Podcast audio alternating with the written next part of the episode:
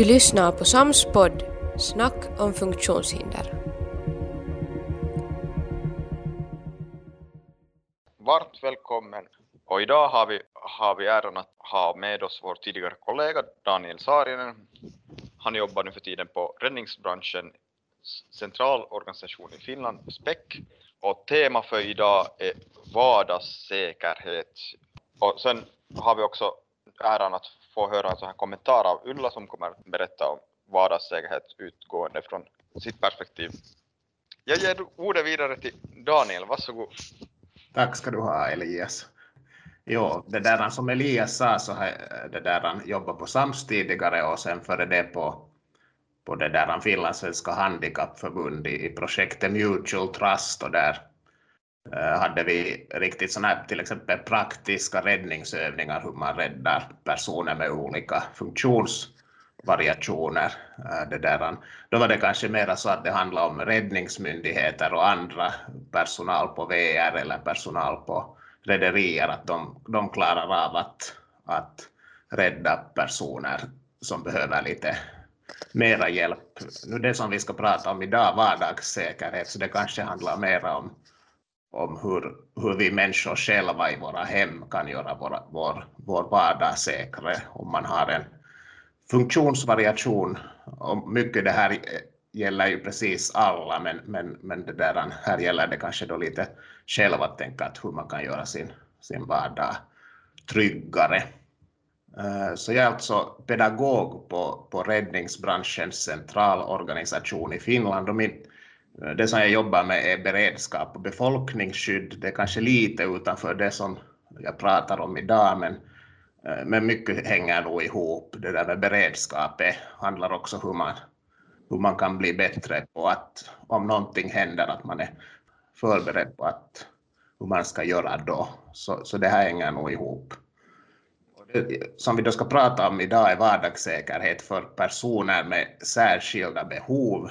Eh, med att särskilda behov, man skulle kunna tala om människor som har en funktionsnedsättning, men vi ser på det här kanske lite bredare också. Äldre personer, eh, hit hör kanske också eh, personer som har svårt att läsa eller annars förstå, då kan det ju handla om någon med en intellektuell funktionsnedsättning, men det kan lika bra handla om en invandrare som inte kan, eh, inte kan språket. Sen riktigt kort vad, vad SPEC gör här är det där äh, fyra områden. Äh, fina sådana här äh, uttryck, men det handlar om ganska praktiska saker en sak är att följa med i samhällsdebatten och förutse vart, vart samhället kommer att gå när det gäller säkerhet och trygghet. Sen har vi några som jobbar med, med riktigt såna praktiska lösningar för en, säkra vard, eh, för en säkrare vardag. Så de till exempel testar brandvarnare och testar pulversläckare och det ena och det andra bränner och provar att bränna olika saker, att brinner det eller brinner det inte. Så de har ett sånt här litet laboratorium där också som de sysslar med sånt och, och skriver om det sen. En viktig del av SPEC är utbildningar. Man kan säga att av SPEC också, hur SPEC finansieras, så det är till hälften nästan är, är, är självfinansierat genom, genom det där utbildningar inom trygghet och säkerhet. Det, kan, det gäller allt för sådana som jobbar med med eldfarliga arbeten och eh, väldigt olika slags utbildningar. Och sen som en fjärde sak är här är frivilliga inom räddningsbranschen och då handlar det framför allt om, om frivilliga brandkåren och att stödja deras arbete. Och det där, vi är 51 som jobbar på fem olika orter, Helsingfors, Rovaniemi, samt Mikkel, Borg, och så är det tre personer i Vasa. Den svenskspråkiga verksamheten är ganska långt eh, sköts från Vasa, men vi är nog i Helsingfors också sådana som, som talar båda språken. Och det, där, det här frukostsnacket idag om, om det där um, vardagssäkerhet, vi skulle kunna tala egentligen, och det är fritt nu att tala om vad som helst, men, men det där jag tänkte ta upp, lyfta upp tre, fyra olika saker egentligen och de är plockade ur en sån här ur en sån här checklista för säkerhet i hemmet som, som det där um, finns på nätet också. Uh, på vår webbplats hittar man det där. Och jag, det där, jag tänkte lyfta upp fyra saker.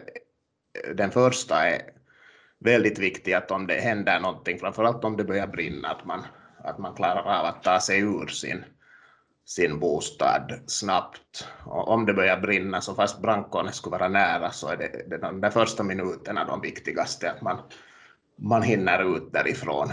Om man har en funktionsnedsättning så är det kanske inte kanske alltid så enkelt, speciellt om det händer mitt på natten. Och sen är det ju viktigt att få veta om det, att det har börjat brinna, så där blir brandvarnarna nog väldigt viktiga. Det finns ju riktigt billiga också i butiken, vanliga brandvarnare, men, men då är de kanske inte alltid anpassade för, för den som bor där. Till exempel om det inte hörs tillräckligt bra eller om personen som bor inte hör överhuvudtaget, då borde man ha någon blinker eller, eller någonting som darrar under ens dyna. Och sen har jag nu tagit två teman här till. En av de kanske vanligaste orsakerna till brand har att göra med spisen i köket. Äh, där är väldigt vanligt att bränderna börjar därifrån. Och, och den andra vanliga orsaken är att, är att man halkar eller snubblar äh, där i hemmet. Jag funderar, då det här bostadsaktiebolagslagen håller på att förnyas, eller det bereds som bäst, så, så där har man diskuterat, borde de här brandalarmen vara på invånarens äh, ansvar eller bostadsaktiebolagens ansvar? Har ni som Späck någon, någon synpunkt på sånt här praktiskt? Känner inte faktiskt till det där. Det är en bra fråga. Men att jag så där själv tycker jag nog att det borde vara mera på aktiebolagets ansvar. Sen är det ju det att det finns så olika. Att om det, om det är ett nytt hus så då är det garanterat en sån brandvarnare som är kopplad till, till elnätet och, och liksom som man inte själv behöver på det sättet se till att den förnyas. Men stora, väldigt stora majoriteten av hemmen så är det nog sådana som man, man själv hamnar att byta ut. Alltså en diskussion kan ni ju tänka på er själva eller, eller någon anhörig som då kanske har en funktionsnedsättning att kan, klarar, klarar den här personen att ta sig ut ur bostaden och vi tänker att det är mitt på natten mörkt och man inte har nödvändigtvis någon där som, som hjälper en att att ta sig ut ur, ur bostaden. Jag tänkte nu när jag sa att jag lite pratade med Ulla här på förhand så jag tänkte fråga Ulla först att om, om det börjar brinna där hos dig så klarar du, av, att, klarar du dig av att, att ta dig ut ur det, ditt, ditt hem på, på sådär två till tre minuter? jo, det där hemma klarar jag ju mig. Det, det är ju inga problem för alltså jag, jag har då en synskada för de som inte känner mig. Och det där så det är inga problem. Men just det här när man sen någon gång bor på hotell och någon gång bor någon annanstans så då, då har man ju mycket svårare. Jag ser ju inte de där skyltarna var det står då nödutgång och sånt här. Så att det där, där gäller det ju alltid när man kommer till främmande ställen att vara aktiv och fråga var de här nödutgångarna finns för säkerhets skull. Så här helt från ett vanligt småbarnsfamiljs perspektiv så kan vi nog ha en massa föremål på vägen som man kan snubbla, snubbla lätt på så här fast, fast annars är saker och ting ganska okej. Och här, här är kanske en sån där vanlig finsk grej också som eh, orsakar att många inte klarar att ta sig ut ur sina hem så är nog alkohol eller några andra äh, berusningsmedel. Så det där, sådana som vanligtvis inte har no, något problem så plötsligt så, så det där och, överlag så bränder och jag tänker på en brand som börjar från spisen när man är full och sen kanske somnar och inte tar sig ut på två till tre minuter. Så det här, alla de här hänger ju nog ihop och kanske inte vaknar heller till den där brandvarnaren som börjar skrika. Sen sen finns det ju det där att, att när det sen händer någonting oförutsett som, som man inte riktigt har räknat med så kan det hända att oberoende av fast man inte har intagit berusande medel av olika slag så får man en sån där blackout, liksom att, att hur ska man bära sig åt? Och, Mm. och, det här, och då är det ju särskilt stor risk om man är ensam och det inte finns någon som kan stödja en, liksom, eller som har det här klart. Tack. Bra det där med att, att man kanske inte reagerar som man tänker. Det är hemskt svårt att, att planera hur man kommer att reagera om det händer någonting. Jag minns en, under Mutual Trust så var det någon brandman också, så jag minns inte vem det var med, som sa att av unga karlar så många tror att om det börjar hända någonting eller brinna så, så unga män tror att de blir någon slags Rambo som räddar alla när det händer, men, men väldigt många blir ganska väldigt passiva, vet inte riktigt vad de ska göra, att eh, oberoende om man är kvinna, karl eller något annat och hur gammal eller ung så, så är det nog väldigt vanligt att man blir ganska passiv i en sån här Eh, riktig nödsituation. Sen det här som, som fjärde punkt är där nämnt och det är väldigt vanligt i lite äldre och inte så hemskt ens gamla bostäder att det mellan ytter, före ytterdörren så finns det en mellandörr riktigt fast där i, i den där ytterdörren och det är faktiskt en av de vanligaste platserna där, där människor omkommer vid en, om det riktigt brinner. Det är ofta, en brand så orsakar ett slags undertryck i bostaden så den blir ganska hopplös att få upp den där dörren, speciellt när man ska dra den inåt. Så om, om det är en svag människa som ska öppna den där dörren när det blir ett sånt här tryck i bostaden så, så kan det vara väldigt svårt. Så i, i, i nya, nya lägenheter så, så finns borde inte den där dörren ens finnas där för att den är egentligen farlig om det, om det börjar brinna. Okej, så tänkte jag att vi följande tittar på brandvarnare. Ofta har nog människor en brandvarnare men det borde då finnas egentligen i, i, i varje rum i ett, i ett hem. Och, det där, och den borde då också vara anpassad till, till den som bor där. Nu tänkte jag igen fråga Ulla, att har du, har du dina brandvarnare på, på plats och, och kommer du åt att, att byta batteri? Man borde kolla egentligen en gång i månaden heter det. Eh, men att det där några gånger per år åtminstone att, att, att funkar den där brandvarnaren. Där måste jag nog säga att jag tyvärr är världens sämsta slarva. Jag torde ha uppe i tak en brandvarnare som är kopplad till alltså det här huvudelsystemet.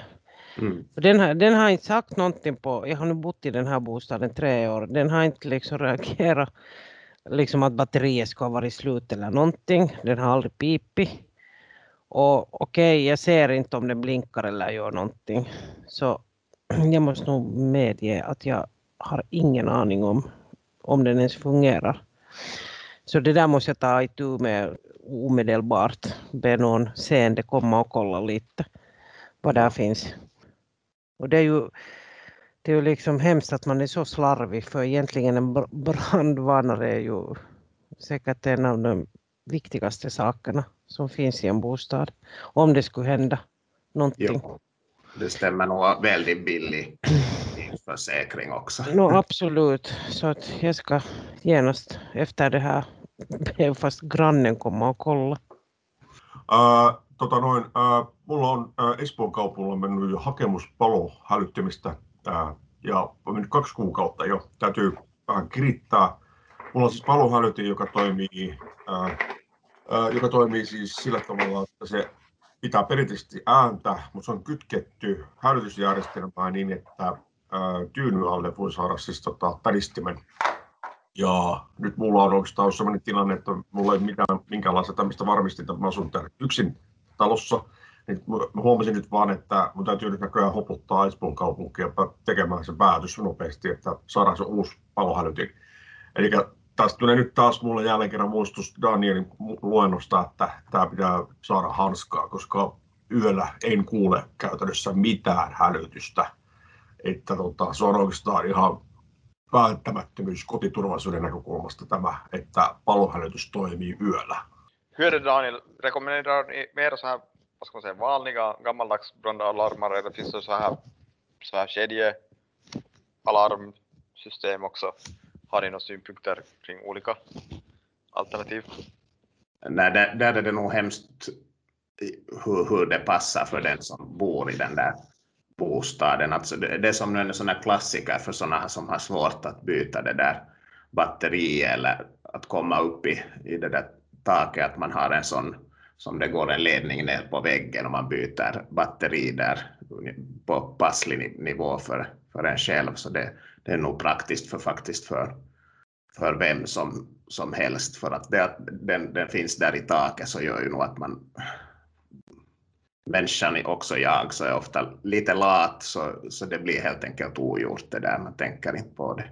Men det, det finns nog en massa olika eh, brandvarnare eh, det där numera som också reagerar då på os och på annat, så det där, där, där beror det nog lite på var, hur, hur, hur ens bostad ser ut och vilka behov man har. Tvårummare och, och jag har brandvarnaren här uppe i taket i vardagsrummet och, och det är förstås så, så högt och alla så ställer att, att jag, jag kan inte själv, eller jag har jättesvårt att byta, byta batteri eller kolla den på något sätt så man måste kliva upp på en stege och hålla liksom händerna rakt upp och så jag måste, att, att där behöver jag nog hjälp och den är, den är sån det här att den är nog kopplad till elnätet den här brandvarnaren men sen har den också batteri och och då när det där batteriet håller på att ta slut så, så den, den har sådana korta sådana signaler och ska gälla signaler och, och det är just att, att jag ibland lite sådär får helt spänna som det sen är mitt i natten eller sådär som batteriet tar slut och jag kan inte göra något. Så, så det är lite, det, den är lite sådär opraktisk på det sättet. Och, och sen det här, det här andra, andra grejer som jag har tänkt kommentera. Är just att så när det börjar brinna, att man ska gå, gå ut så, så många blir ju lite i panik att, att ta med sig något sådana kanske helt onödigt föremål, något försöka få datorn eller något kläder eller något här, men det är väl säkert att kanske just att, att handväskan och telefonen är kanske det det viktigaste och sen kanske nu om man får, på sig något, något kläder att man har varmt eller något bara så att, att det, det beror lite på att hur det, är det att är det sommar eller är det nu 20 grader kallt så, så man måste ju liksom det är lite svårt kanske det där att vad ska man liksom sen i all hast klä, klä på sig eller hinner man inte eller, eller hur? Eller måste man bara frysa den där huset. Ja, bra, tack. Det där är ett, ett exempel också, så jag tänker på min egen mormor också som har, när brandlar, eller det här brandvarnaren börjar pipa på grund av att batteriet håller på att ta slut mitt i natten, så det är kanske lite svårt att sova, så, så tog hon sig upp och föll sen när hon försökte ta bort det där batteriet, så, så ja, det, det kan vara lite farligt det där också. Och sen det där med med kyla så är nog i, i vårt land och det behöver kanske inte vara ens 20 grader kallt, det räcker att det är där vid noll eller några plusgrader så börjar man nog frysa väldigt, väldigt fort. Så, men att det är ju nog viktigt att ta sig ut snabbt om, om, om det brinner, men, men då, just att ta såna, så mycket varma kläder då, som man snabbt får, får med sig. Och sen, sen kanske det också har blivit lite man uppmanar ju människor att snabbt ta sig ut ur bostaden, men sen kanske man, om det är någon liten brand som man klarar av, om man har en sån här brandfilt eller, eller en pulversläckare eller någonting som man kan släcka, så, så är det nog kanske bättre då att, att prova att släcka den där branden än att genast, genast springa ut. Men där måste man ju bedöma då att klarar man av att, att släcka en, det som brinner där. Utöver att om man inte klarar av att släcka den, men finns det något annat som, som om man har vad ska man säga, funktionsförmågan och i skick som man ska, borde göra, typ stänga dörrar eller, eller någonting, någonting annat särskilt? Jo, om man inte klarar av att släcka så det rekommenderas ju nog att man har en sån här brandfilt och en, en, en skumsläckare eller pulversläckare. Och om inte då så men nu tänker jag sitta själv här i köket och så finns det en dörr här till tamburen så att man då stänger den där dörren till köket. Om man då inte där kan göra någonting så just stänger också då de dörrar man kan och tar sig lugnt ut. Att där kanske det är också viktigt att man försöker hålla det där lugnet. Att det händer lätt att man sen faller och slår sig eller någonting och, och orsakar mera skada. Men, men det där är ju lätt att säga om, om det faktiskt brinner så, så kanske inte alla riktigt klarar av att behålla det där lugnet heller. Ja, och här var lite om brandvarnaren, nu väldigt mycket text. Det som jag skulle kunna ta upp här är att det som Elias sa, att, man, att det finns sådana här seriekopplade också, eller fjärranslutna. Det finns så smarta brandvarnare som man kan mm, från telefonen kolla. Eh, fungerar de med wifi eller bluetooth eller, eller något annat och, och kolla att den, den funkar. Och det där, um, sen någonting som en del inte kanske känner till att den där brandvarnaren också blir gammal. Och det borde nu på nästan alla som brandvarnare som finns i människors tak så borde det finnas eh, ett bäst före datum när, när den ska förnyas. Men vanligtvis så är den där livslängden cirka 50 till 10 år. Eh, och så nämndes här det där um, redan spisen äh, det där, och den är kanske spisen en av de vanligaste orsakerna till, till bränder. Och där uppe till höger så ser ni också en, en bild där äh, av en spis så har man kanske en mikro där väldigt nära. Och så går där sladdarna upp elledningarna så att den där mikron får el, kanske en kaffekokare ovanpå mikron och sen är det ju ofta ett, om, om, speciellt om det är ett litet kök eller man har mycket saker så är det lätt att, att sätta sånt som man inte just nu kan lägga ner någon annanstans så sätter man ner på spisen så där är nu hushållspapper där så där finns alla, alla möjligheter till om någon stöter till eh, där man väljer, väljer värme på, på spisplattan så att, att det börjar brinna. Och nu tänkte jag igen Ulla som är vår andra stjärna här idag fråga att hur, hur har du med spisen? Eh, ser det ut så som, som på bilden att, att du har hushållspapper, mikro och kaffekokarledningar där vid, vid spisen eller är det bättre ställt hos dig? Jo tack, det är nog bättre ställt hos mig.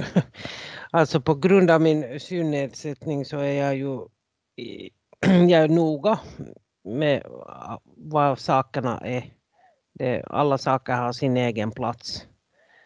Och det där, jag har nog alltid varit noga med det där att spisen ska vara tom.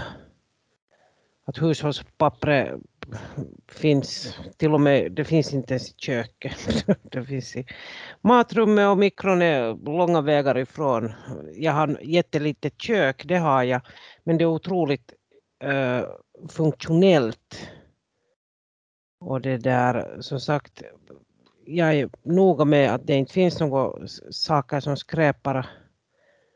Att det är sen värre när det kommer folk och hälsar på mig och de är inte vana vid mitt system. Så de, de kanske lägger saker på spisen. Så sen när de har farit så måste jag alltid kolla att, vad de har ställt ner där. Men det där, där är jag noga. Så att där, där får jag 10 poäng. Bra. Har ni någon statistik hur mycket beror det på att någon har lämnat någonting på spisen eller så där? Finns det någon kunskap kring de här? Det finns nog statistik, nu har jag inte rakt den siffran, men, men en väldigt stor del av, om vi tänker på bränder i hemmen, så de, de var, om vi talar 20 år tillbaka, så då var det spisen, tvn och tvättmaskinen som människor ofta lämnar, lämnar det här elkabeln i fast man inte tvättar, eh, tvättar något byk. Men där har det ändrat ganska mycket eh, på grund av, av TVn, att det är inte de här stora hemska bildrörs-TVn men så de här nya så, så det är väldigt ovanligt att, att sådana börjar, börjar brinna. Eh, sen, sen kanske något som har blivit lite vanligare eftersom vi har betydligt mera elapparater hemma än för 20 år sedan, så det, det är olika slags laddare som, som man lätt lämnar i, i, i, vägg, i, i det där kontakten så att det då eh, går el där och, och många laddar också sina telefoner bredvid sig på, på det där på natten. Det gör också jag, men att det borde man då egentligen inte göra för att det finns en risk att, att det börjar brinna. Så, så man, borde, man borde alltid ta ut den där laddaren. Men, men eh, helt klart, exakta siffror kommer jag inte ihåg, men, men mycket vanlig det här med, med spisen och, och speciellt vad gäller äldre människor. Sen kan man ju fundera på att byta ut spisen till en induktionsspis eller det finns olika slags säkerhetsspisar som, som man då faktiskt måste sätta en, en kastrull då på för att den, den där ska reagera och bli, bli varm. Och sen finns det olika säkerhetsutrustningar som, som spisvarnare och spisvakt som då reagerar på om det blir hett fast, fast man inte, om någon till exempel har lämnat plattan, plattan på. Eh, vissa enklare saker är kanske att ha en timer om, men det är kanske inte lika säkert. Men, men då om man har någon anhörig som kanske nu inte ska koka någonting mitt i natten eller så, så kan man ställa in den där tiden. Eh, men, men här skulle kanske den där induktionsspisen kanske vara ändå det där eh, säkrare än, än de här traditionella, traditionella spisarna. Sen som, som det här sista så, så har jag tagit upp uh, risken för att halka eller snubbla om vi, inte, om vi liksom helt tittar bort från, glömmer bränderna för en stund, så då, då är det nog det här att halka och snubbla som är det vanligaste olyckan i ett hem. Och det brukar sägas att den farligaste fordonet i Finland så är, så är yllesockor. Och det där speciellt om man har ett laminatgolv så blir det väldigt halt.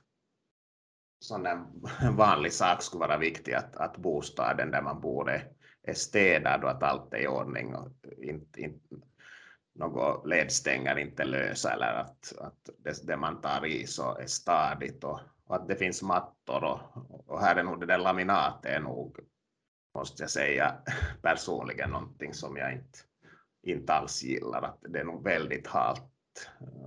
Tänka Ulla får börja, har du någon risk där för att du skulle halka eller snubbla i ditt hem?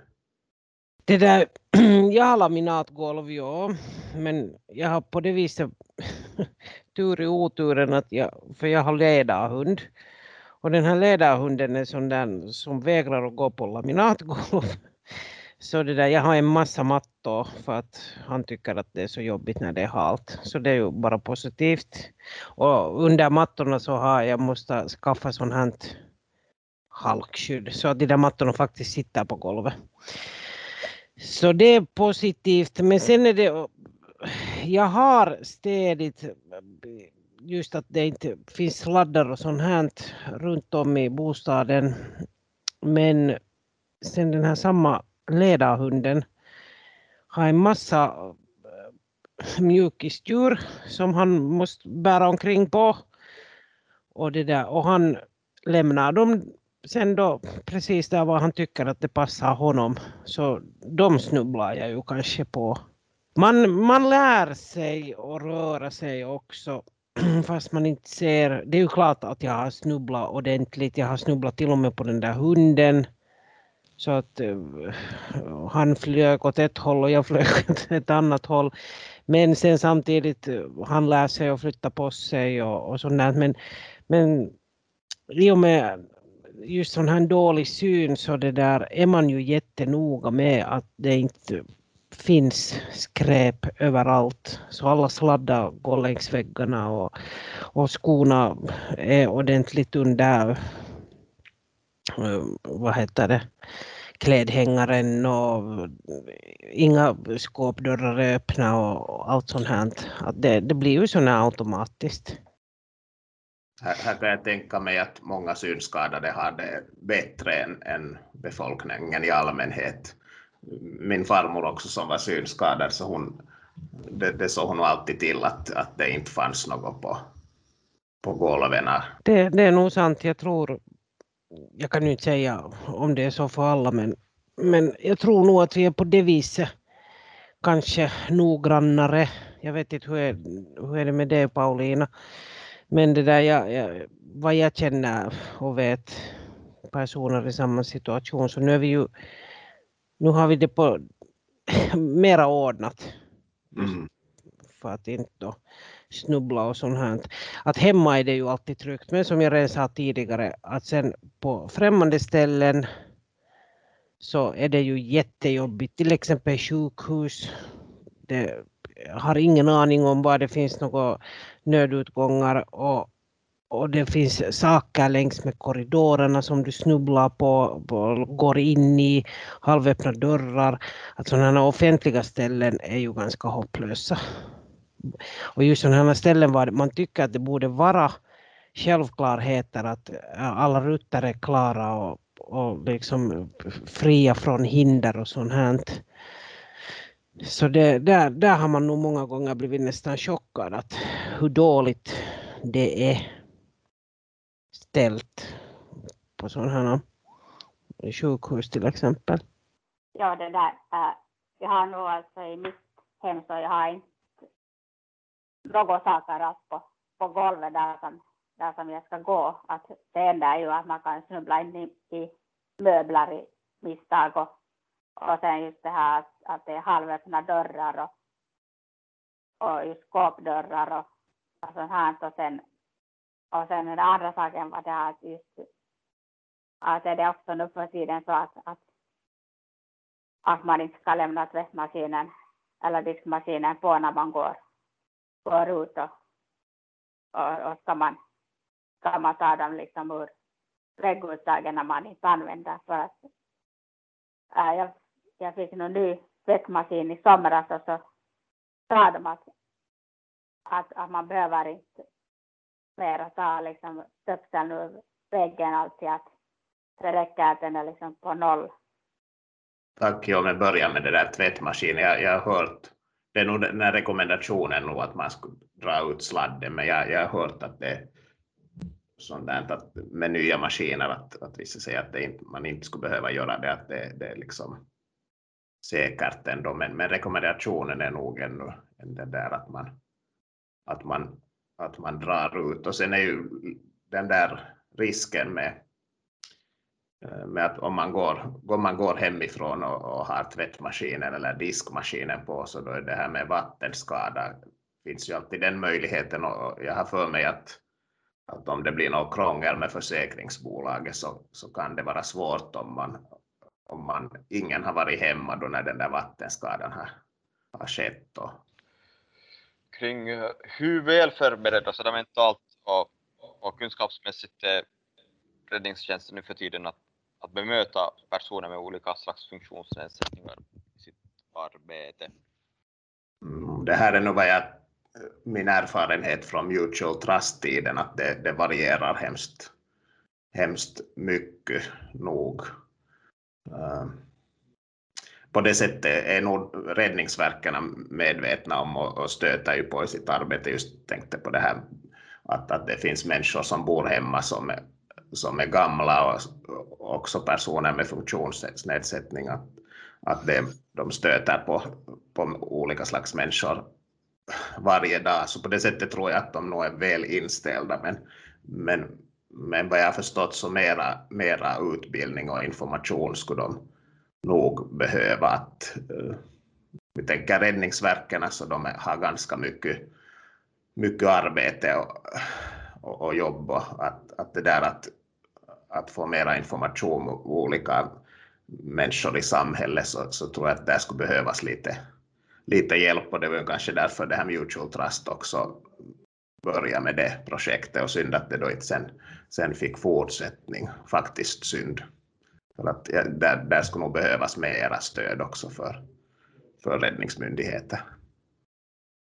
Här är ju en fråga att vem, vem, vem som vem ska bära det ansvaret att de, de får mera information? Här tycker jag nog att, att det där, myndigheterna själva borde klara av det, men, men det där, sen handlar det om, om tid och resurser också. Så det där, därför var det här Mutual Trust-projektet bra. Tusen tack Daniel, det här var väldigt värdefulla insikter som du delar med dig här idag. Jag tyckte att, att diskussionen också berikade, berikade med mycket många så här praktiska erfarenheter och synpunkter. Jag hoppas vi kan alla kolla våra brandalarmer nu och and, annan utrustning och, och praxis i skick här i våra hem.